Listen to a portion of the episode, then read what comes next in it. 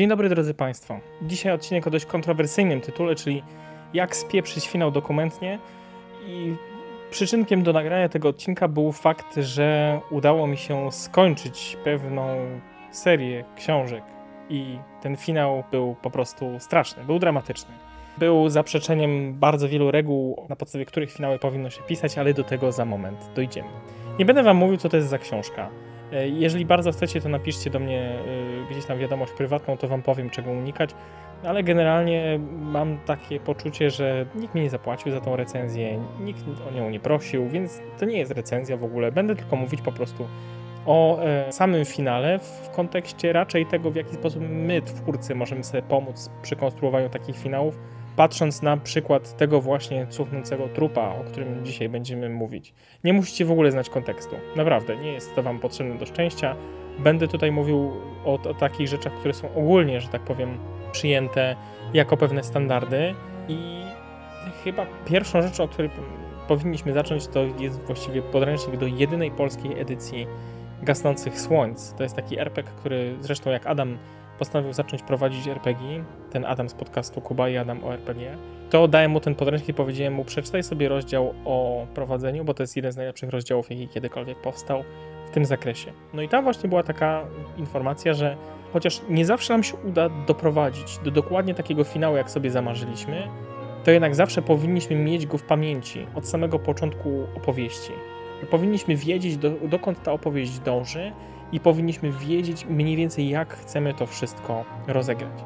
Pamiętajmy, że za, zanim zaczniemy prowadzić jakąkolwiek opowieść, czy to jest scenariusz filmowy, teatralny, czy serialowy, czy, czy właśnie przygoda do gry fabularnej, czy kampania do gry fabularnej, czy książka, którą sobie piszemy, to powinniśmy pamiętać o tym, że powinniśmy sobie odpowiedzieć na kilka pytań. Cały czas mówię, że powinniśmy.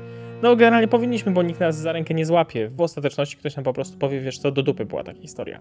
Ale powinniśmy pamiętać o tym, że musimy wiedzieć, o czym jest ta historia, w kontekście takim, jaki morał chcemy przez nią przekazać, jaki powinien być odbiór tej historii przez naszego odbiorcę. Odbiór przez naszego odbiorcę. Dzisiaj bardzo mądrze mówi, widzę, słyszę. Jak chcemy, żeby nasi odbiorcy obcowali z tą historią, w sensie takim, ja- jaki emocjonalny efekt powinna ona u nich wywołać, czego powinni się nauczyć, jaką prawdę o życiu chcemy im przekazać, albo jakie pytania chcemy im zadać, żeby się zastanowili i w jaki sposób te swoje prawdy o życiu sobie przerobili i zaczęli w ogóle o nich myśleć. I skoro już mamy ten, ten sens tej historii nakreślony, powinniśmy do niego dopasować sobie główny konflikt, żeby te rzeczy były albo e, synergią, albo właśnie, żeby były w kontraście. Czyli jeżeli chcemy opowiedzieć historię o tym, że miłość zwycięża wszystko, to możemy zrobić historię wojenną na przykład. Albo jeżeli chcemy zrobić historię o przyjaźni, to możemy też zrobić historię wojenną i tam pokażemy, że ta przyjaźń potrafi przetrwać wszystko to, co się dzieje, na przykład pomiędzy ludźmi, którzy są po dwóch stronach konfliktu w danym momencie. Albo jeżeli chcemy zrobić historię o zaufaniu, to możemy zrobić historię o sytuacji, w której albo to zaufanie od początku jest, a potem w jakiś sposób zostaje naruszone, a potem e, próbujemy je odbudować. Na przykład to może być historia o zdradzie, albo możemy zbudować historię o tworzeniu tego zaufania, czyli na początku wychodzimy z sytuacji, w której jesteśmy wobec siebie nieufni i to zaufanie zostaje zbudowane. I ten konflikt, który toczy tą naszą historię, jest w pewnej synergii albo zbieżności, albo właśnie kontraście do tego, co chcemy przekazać. No i teraz musimy też wiedzieć, jak ten konflikt rozwiążemy. Już od samego początku musimy mieć świadomość tego, że ten konflikt będzie się musiał zakończyć, będzie musiał wybuchnąć, będzie musiał dojść do swojego kulminacyjnego punktu i będziemy musieli nim zarządzić tak, żeby rozwiązanie tego konfliktu podkreślało to, co chcemy przekazać, kończyło wszystkie wątki, które przygotowaliśmy i było dla naszych odbiorców, a także dla bohaterów w jakiś sposób definitywne i satysfakcjonujące. Więc skrótowo powiedzmy sobie, co powinien taki finał robić. Zacząłem o tym wszystkim myśleć w momencie, kiedy właśnie słuchałem sobie audiobooka tej serii, tej sagi fantazy. Zresztą od ubiegłej edycji Moszno Władców, bo to jest strasznie długie. Nawet jednym, w jednym z odcinków poprzednich przeżywałem, że, że męczą bez, bezustannie te wszystkie powtórzenia, że tyle razy mielą to wszystko, że traktują odbiorcę jak idiotę, a właściwie autor traktuje jego zespół edytorski. I tym większe było moje zdziwienie, kiedy w pewnym momencie spojrzałem na aplikację, gdzie sobie słucham tych audiobooków, a tam ledwie 100 minut do końca. I myślę sobie, jak wy chcecie te wszystkie wątki zamknąć w 100 minut, żeby to miało sens, żeby to miało ręce i nogi, żeby to było satysfakcjonujące. Spoiler alert, nie chcieli. Żadne wątki nie zostały zakończone, a autor zaczął mylić zamykanie wątków postaci, tych tak zwanych story arków postaci, z zabijaniem tychże postaci. To nie jest dobre rozwiązanie. O story arkach musimy sobie powiedzieć i już chyba nadchodzi ten czas, żebyśmy zaczęli mielić taką serię na temat budowania tych story arków, żeby one były sensowne. Jak tylko jeszcze wymyślę, jak przetłumaczyć story ark na polskim, może macie jakieś podpowiedzi w tym zakresie. No ale czując, że ten finał się zbliża, już byłem po prostu strasznie nieszczęśliwy, bo pewnie czasem śmierć jest zamknięciem pewnej historii dla bohatera czy dla danej postaci, ale mordowanie go tylko dlatego, że kończy się czas i po prostu pora daną opowieść kończyć, nie służy wartości emocjonalnej tej opowieści i raczej prowadzi do takiego efektu Call of Duty, gdzie ci bohaterowie okazują się wchodzić po prostu na scenę tylko po to, żeby tam w krytycznym momencie umrzeć, żeby pokazać, że sytuacja jest niebezpieczna. I w tym momencie brakuje jakiejkolwiek wartości emocjonalnej, bo te śmierci się po prostu dzieją. One nie przynoszą zamknięcia historii e, życia danego bohatera czy bohaterki, nie sprawiają, że ta opowieść ma jakiś tam lepszy emocjonalny wydźwięk. W dużej ilości sprawiają wręcz, że taki odbiorca jest sfrustrowany w takiej grze o tron, czy, czy w pierwszych sezonach The Hundred, czy nawet wielokrotnie krytykowanym za, za pewne aspekty związane z nakręcaniem konfliktów między postaciami serii Westworld, kiedy postacie giną, to giną w finale jakiegoś ogromnego konfliktu, który jest wyeskalowany do takiego momentu, że te stawki są tak wysokie, że tylko jedna ze stron może wyjść zwycięsko.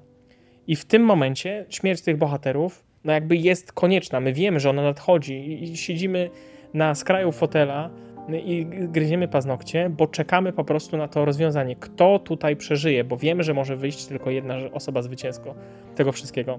A ubijanie bohaterów, bo nie ma dla nich miejsca w finałowych scenach, to nie jest wyraz sprawnego konstruowania opowieści i właściwie nic tutaj sensownego takiej śmierci nie przynoszą, no bo, no bo właściwie co tutaj się ma z tym wszystkim wydarzyć? W jaki sposób ma to wpłynąć na, na ten ładunek emocjonalny nasz, który mamy? Wiemy, że jest konflikt, wiemy, że trwa wojna. O, nagle ktoś zginął. O, trudno, to był jeden z głównych bohaterów.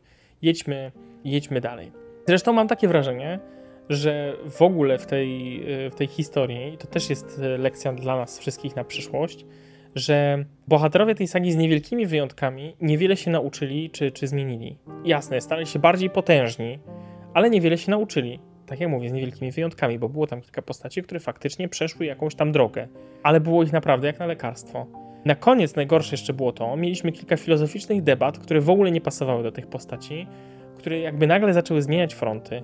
Gość, który był zelotą, zwątpił, a ateista z nim podróżujący nagle uwierzył i kłócili się o to samo, tylko w tej dyskusji imiona się nagle zamieniły miejscami. I z tą potęgą, te, te postacie, które zdobywały coraz tą większą potęgę, też autor nie bardzo sobie umiał poradzić, bo postacie były tak niesamowicie potężne, że nastąpił taki efekt Warhammera 40 tysięcy. O Boże, jesteśmy super arcypotężni, dlatego musimy walczyć z kimś uber, ultra arcy super potężnym, żeby to miało sens, żeby to nie wyglądało jak walka Gołoty z Tysonem.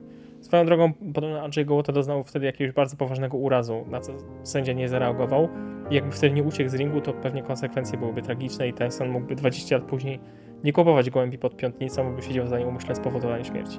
W każdym razie ten finał był strasznie przewidywalny, jednocześnie jakoś strasznie przyspieszony. Jakby go trzeba było zrobić, bo już w żadnym z wątków nie mogły się wydarzyć nic sensownego.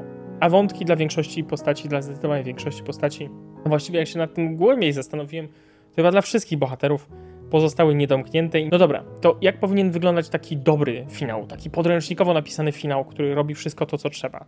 Taki finał powinien po pierwsze rozwiązywać główny konflikt, czyli powinien dostarczyć odpowiedzi na to główne pytanie, które zadaliśmy, jeżeli chodzi o to na przykład, czy zaufanie w dobie rozwodu ma sens, albo czy przyjaźń w trakcie wojny jest w stanie przetrwać, albo czy konflikt zbrojny jest w stanie zabić naszą miłość. No więc odpowiadamy na to pytanie i rozwiązujemy główny konflikt opowieści, bo rozwiązujemy tą wojnę, rozwiązujemy tą sytuację, w której te postacie się znalazły, ten rozwód się kończy albo nie dochodzi do skutku, bo nasi bohaterowie znowu się schodzą, bo udaje nam się uciec z terenu działań wojennych, nasza miłość zwycięża, albo właśnie nie udaje nam się uciec, bo zwycięża zło i szlak wszystko trafia. Ale powinniśmy, odbiorca, czytelnik lub widz, otrzymać zadowalającą taką odpowiedź i zobaczyć, jak sobie bohaterowie poradzili z tymi wszystkimi problemami. Po drugie, finał powinien być emocjonalny. Powinien budzić silne emocje u czytelnika albo widza I to może być szczęście, to może być smutek, to może być dramat, to może być ulga, ale to powinno być stricte związane z tymi emocjami, które staraliśmy u odbiorców wzbudzić, zadając te pytania na początku i ustawiając ten konflikt na samym początku. Czasem finał może zawierać pewien zwrot akcji, czyli na przykład przedstawiamy coś, co odwraca pewne oczekiwania co do tej historii, albo pokazujemy jakieś odkrycie, które zmienia sposób postrzegania tej historii. I teraz nasi bohaterowie w ostatniej chwili albo przechodzą na jakąś dobrą stronę, albo właśnie dają się porwać tej złej stronie, albo jak Darth Vader nagle podnoszą swojego, swojego mentora, żeby go rzucić w pizdu do dziury, żeby ocalić swoje dziecko. Więc bardzo tutaj możemy takie rzeczy jeszcze w ostatniej chwili zmienić ale tylko takie, które sprawią, że ten finał będzie dzięki temu pełniejszy, będzie bardziej zaskakujący, będzie odpowiadał na to pytanie na różnych płaszczyznach, które zadaliśmy na początku. I wreszcie dla wszystkich postaci powinniśmy ten finał zakończyć. Dla wszystkich głównych postaci, im więcej mamy protagonistów, tym gorzej dla nas. Odbiorca powinien zobaczyć, jak one się rozwinęły, jak przeszły przez swój story arc, jak się zmieniły, jak zatoczyła ta ich historia pewien krąg doprowadzający ich prawdopodobnie do tego samego miejsca, ale mimo wszystko oni wracają do tego miejsca zmienieni i my powinniśmy jasno mieć to pokazane. Czego ci nasi bohaterowie się nauczyli, co się dla nich wydarzyło, dlaczego się gotowi byli poświęcić, w jaki sposób zmienił się ich charakter, czy to, czego chcieli na początku, nadal jest tym, co chcą, czego dostali, czy dostali to, czego potrzebowali, czy przewrotnie dostali to, czego chcieli i teraz zorientowali się, że to nie jest to i w jaki sposób tym zarządzili, ale te wątki postaci powinny być zamknięte. Niektóre opowieści mogą pozostawiać otwarte pytania na końcu, co może budzić pewną ciekawość, może zachęcać do dalszej refleksji odbiorcę, może sprawiać, że fani będą potem o tym dyskutować wielokrotnie, bo właściwie co miało oznaczać to zakończenie, co tak naprawdę się wydarzyło, ile z tej historii było prawdą. Spójrzmy na finał Incepcji czy Doni Darko. To są takie finały, które zamykają większość wątków, ale jednocześnie zostawiają nas z tą dozą niepewności, która sprawia, że możemy jeszcze bardzo długo na tych filmach dyskutować i wracać do poszczególnych fragmentów tych filmów, żeby ustalić, co tak naprawdę według nas było prawdą. No i wreszcie finał powinien pokazać konsekwencje wszystkich działań bohaterów, jak one zmieniły ten świat. To mogą być dobre konsekwencje, to mogą być też złe konsekwencje, ale powinny pokazywać to w taki sposób, żeby ta historia była dla nas w pełni zrozumiana i w pełni czytelna. Więc te sześć zasad naprawdę jest turbo super ważnych, jeżeli chcemy, żeby ten finał był konkretny i żeby był, zamykał wszystko tak, jak my sobie na początku zamarzyliśmy, żeby ten nasz odbiorca był zachwycony, a nie sfrustrowany tym, że to się wydarzyło. No i teraz, wracając do tej historii, przez, przez którą przeszedłem ostatnio, a właściwie przez ostatni rok, słuchając tych audiobooków w różnych momentach, niestety dla wszystkich bohaterów, po pierwsze, te wątki zostały niezamknięte nie wydarzyło się nic, co sprawiłoby, że moglibyśmy ten finał w jakiś sposób na przykład kwestionować. I ta, tam był taki wątek, że, wą, że częścią świata są przepowiednie, których źródło i natura zupełnie nie są znane. I przez pewien czas budowana jest sugestia, że być może to wielkie zło, z którym się zmierzymy w finale, odpowiada za te przepowiednie, próbując bohaterów tych głównych wprowadzić w pułapkę. A czasami jest podawana sugestia, że to może ten Bóg, w którego wierzy ten Zelota, sprawia, że, że to wszystko się dzieje właśnie w oparciu o te przepowiednie, za którymi podążają możni tego świata, i kapłani, i kapłanki. I mimo, że część bohaterów kwestionuje istnienie tego bóstwa, może jednak on steruje tymi losami tego świata i to dzięki niemu dojdziemy do tego dobrego finału i faktycznie to ci zeloci mieli rację. Okazuje się, że ani jedno, ani drugie po prostu tak jest, y, przepowiednie działają. Kto i dlaczego kierował losami bohaterów przez te przepowiednie się nie interesuje, bo kociej mordy dostaniesz. No i dupa. Nie wiadomo, nie wiadomo skąd to się wszystko wzięło. W efekcie ten finał, zamiast być takim doświadczeniem orgazmicznym, powiedzmy to, climax jest przecież po angielsku, jednocześnie finałem, czyli szczytem fabuły, jak i szczytowaniem w trakcie stosunku, no, okazał się być przypadkowym starciem z bossem, bez sensownego przeprowadzenia którejkolwiek postaci przez satysfakcjonujący story arc, bez sensownego zamknięcia tej opowieści. Nagle po prostu się okazało, że zło zostało wytępione mniej lub bardziej. O, jeszcze trochę tego, tego zła zostało, ale, ale nie specjalnie dużo. W ogóle przed samym tym finałem jeden z generałów tego wielkiego zła ucieka i nie wiadomo dokąd ucieka, ale do tego wątku już nie zwracamy. Po prostu pitnął, no trudno, nie ma typa, nie?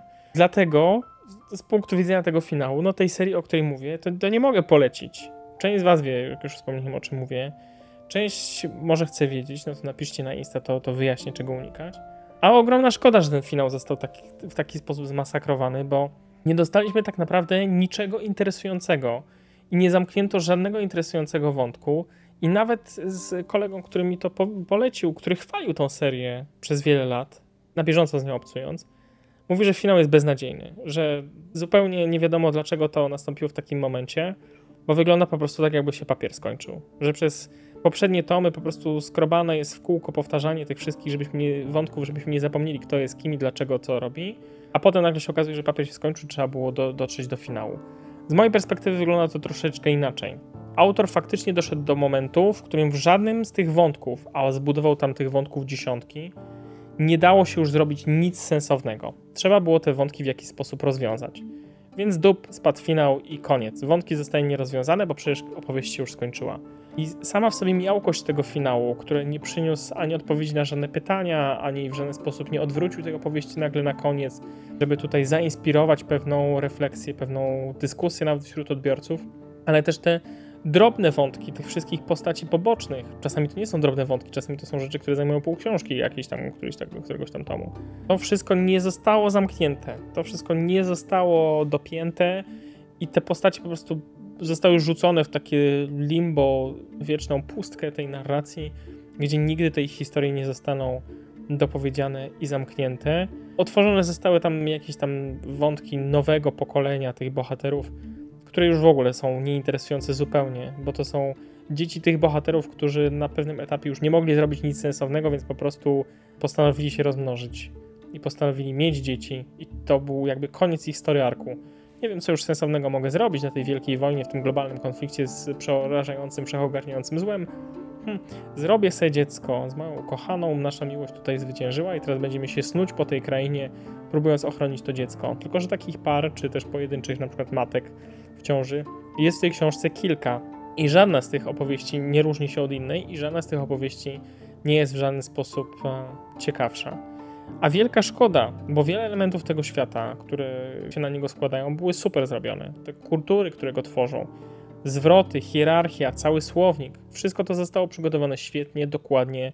To zapamięta w pamięć, to jest łatwe do rozszyfrowania i naprawdę spoko ten świat buduje.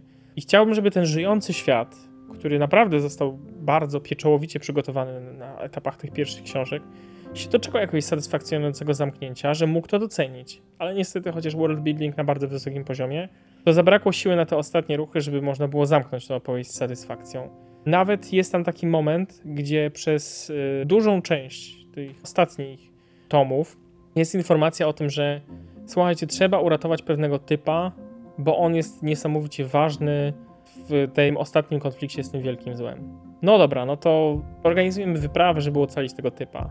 Dużo rzeczy się wokół tego typa dzieje. My w ogóle znamy dobrze tego bohatera, bo on tam gdzieś wcześniej już występował. Wiem, że tam mu się różne rzeczy wydarzyły, miał swoje wzloty i upadki, jedna z ciekawszych postaci. I ratują go na koniec i wiecie jaki on ma wkład w tą, w tą finałową bitwę? Żaden. Absolutnie on nie robi nic. Cały ten wątek, że trzeba go uratować, bo on jest kluczowy dla finału, zostaje zapomniany na 5 minut przed finałem, bo ten finał jest realizowany przez zupełnie kogo innego, zupełnie gdzie indziej i zupełnie w tym żadnego sensu nie ma. Bo wielokrotnie jest podkreślane, że ten gość wpłynie na losy świata właśnie w tym finale. To jest super ważne. I potem, nawet jak mamy ten epilog, który się tam dzieje kilka miesięcy później, to ten gość też tam przybywa i po prostu robi jakieś głupoty. W żaden sposób nie wpływa na kształt tego świata, nic tam nie robi konkretnego, w żaden sposób jego pozycja się bardzo nie zmienia, nic tam e, nie wnosi do całej tej dyskusji. I gdyby szczerze rzekszy zdech za przeproszeniem gdzieś w tych lochach, z których miano go uratować, nic by to absolutnie nie zmieniło. Totalnie, zupełnie, wcale. Bo chociaż tam w okolicach tego jego ratowania jest e, konflikt jednym z tych generałów głównego zła, to prawdopodobnie to, czy on przeżyje, czy nie, ten generał też by nie miał wiele wspólnego z, z, ze zmianą tego finału, bo ten finał, tak jak mówię, się wydarzył gdzie indziej, już zupełnie i, i tam dużo tych generałów w czasie tego finału zginęło i to, czy on tam był jeden więcej, czy jeden mniej, nic by to absolutnie nie zmieniło. Także, no wielki smutek. Opowieść nie została zamknięta z satysfakcją, Ale to jest lekcja dla nas wszystkich, dla wszystkich tych, którzy chcemy te opowieści tworzyć, chcemy je prowadzić. Dla autorów to jest ważna informacja o tym, żebyśmy cały czas pamiętali, jak chcemy, żeby ta historia się zakończyła. Jeżeli myślimy sobie, epicki finał, dobrze, to zróbmy epicki finał, w którym faktycznie każdy zgon ma jakieś tam wielkie znaczenie, żeby nie było sytuacji, że właśnie mamy ten efekt Call of Duty, bo wiadomo, że i tak główny bohater dowiezie i na koniec rozwali kogo trzeba. A cała reszta to może sobie ginąć po drodze, nieważne. Niech se zdychają. Po drugie, żeby ten finał był jednak spójny z tym, co budowaliśmy wcześniej. I jeżeli obiecujemy, że pewne rzeczy się wydarzą, to niech one się wydarzą. Albo niech się wydarzą w jakiś wypaczony, wykrzywiony sposób z, z pewnym twistem fabularnym, no ale muszą się odbyć, bo przecież za długo je obiecywaliśmy. Jeżeli budujemy logikę świata na jakiejś tajemnicy, to musimy tą tajemnicę wyjaśnić. Albo musimy chociaż dać taki element, żeby nasi odbiorcy mogli sobie to zinterpretować i żeby mogli się kłócić ze sobą. Ty, bo te przepowiednie to zsyłał ten Bóg. Nie, nie, te przepowiednie to tworzyło to wielkie zło. Nie, nie, ja ci mówię, bo tutaj wcześniej było tak, ale przecież to, to ich częściowo wprowadziło w pułapkę. Więc można byłoby tym zarządzić, można było tu naprawdę dobrą rzecz zbudować na koniec tego wszystkiego i ubogacić tą historię tego świata na koniec, mówiąc, tak naprawdę przez stulecia wszyscy podążali za tym wielkim złem, które wprowadziło wszystkich do pułapki. I tylko dzięki heroicznej postawie bohaterów, którzy faktycznie przeżyli jakieś swoje story arki i się zmienili, a nie tylko zdobyli potęgę na potrzeby tego finału, faktycznie udało się to pokonać, mimo tego, że wszyscy wiedzieli, że to jest pułapka, albo mimo tego, że wszyscy się spodziewali, że te przepowiednie to jednak syła bóstwo, a się okazuje, że to nie ma żadnego bóstwa, to tylko jest wielkie zło i pokonując to zło, wyswobodzimy ludzkość. Nie, to są wszystko rzeczy, które ja dopowiadam. Nic z tego nie znajdziecie w tej serii. Niestety, ogromne, ogromne nieszczęście. No cóż, uczmy się zatem z tego, pamiętajmy takie rzeczy na przyszłość. A, jak jesteśmy graczami, swoją drogą, zwłaszcza mówię o, o grach fabularnych, tutaj przecież w sensie o RPGach papierowych, to też pilnujmy tego, żeby ten finał dla naszej postaci był satysfakcjonujący. Żeby ten story arc, który nasz bohater przechodzi, był taki pełny, żeby się w nim dużo rzeczy wydarzyło. Uczmy się grać w taki sposób, że może nie wygramy tej gry, ale nasz bohater z satysfakcją przejdzie przez tą historię. Z satysfakcją dla, dla nas i dla innych odbiorców przystojnia. Nasz bohater nawet może zginąć, ale to nie zginie we wspaniały, epicki sposób, który będziemy rozpamiętywać przez kolejne lata, mówiąc: A pamiętacie, jak ten mój krasnolud wtedy ocalił wszystkich w ostatnim momencie, bo stwierdził, że przyjaźń jest ważniejsza niż fanatyczne oddanie jego królowi? Takie historie są najciekawsze i najfajniejsze. A w momencie, kiedy bohaterowi, którzy są w tej historii, nie dążą też do tego, żeby zamknąć ten swój story arc w tym, w tym finale, mniej lub bardziej świadomie, przypadku graczy powinno to być dość świadomie, w przypadku samych bohaterów nieświadomie, ale autor czy gracz, który za nimi stoi, powinien mieć to zawsze gdzieś tam w swojej głowie. To w, w tym momencie po prostu te historie się robią takie miałkie, no jak trochę w grach komputerowych czasami, że bez względu na to, co zrobi postać gracza, to i tak y, pewne rzeczy się muszą fabularnie wydarzyć, bo to jest historia o świecie, w którym coś się dzieje, a nie o tej postaci, która tam po prostu tylko jest wrzucona w tą intrygę. No i cóż, tyle wylewania gorzkich żalów na dzisiaj. E, mam nadzieję, że sobie zapamiętacie te rzeczy związane z budowaniem finałów, bo one są ogromnie, ogromnie ważne. Pamiętajcie, człowieka się nie poznaje po tym, jak zaczyna, ale po tym, jak kończy. Mówi się, że mężczyzny, ale myślę, że każdego człowieka się poznaje po tym, jak kończy i jak potrafi się zachować w momencie, kiedy pewne rzeczy dobiegają końca.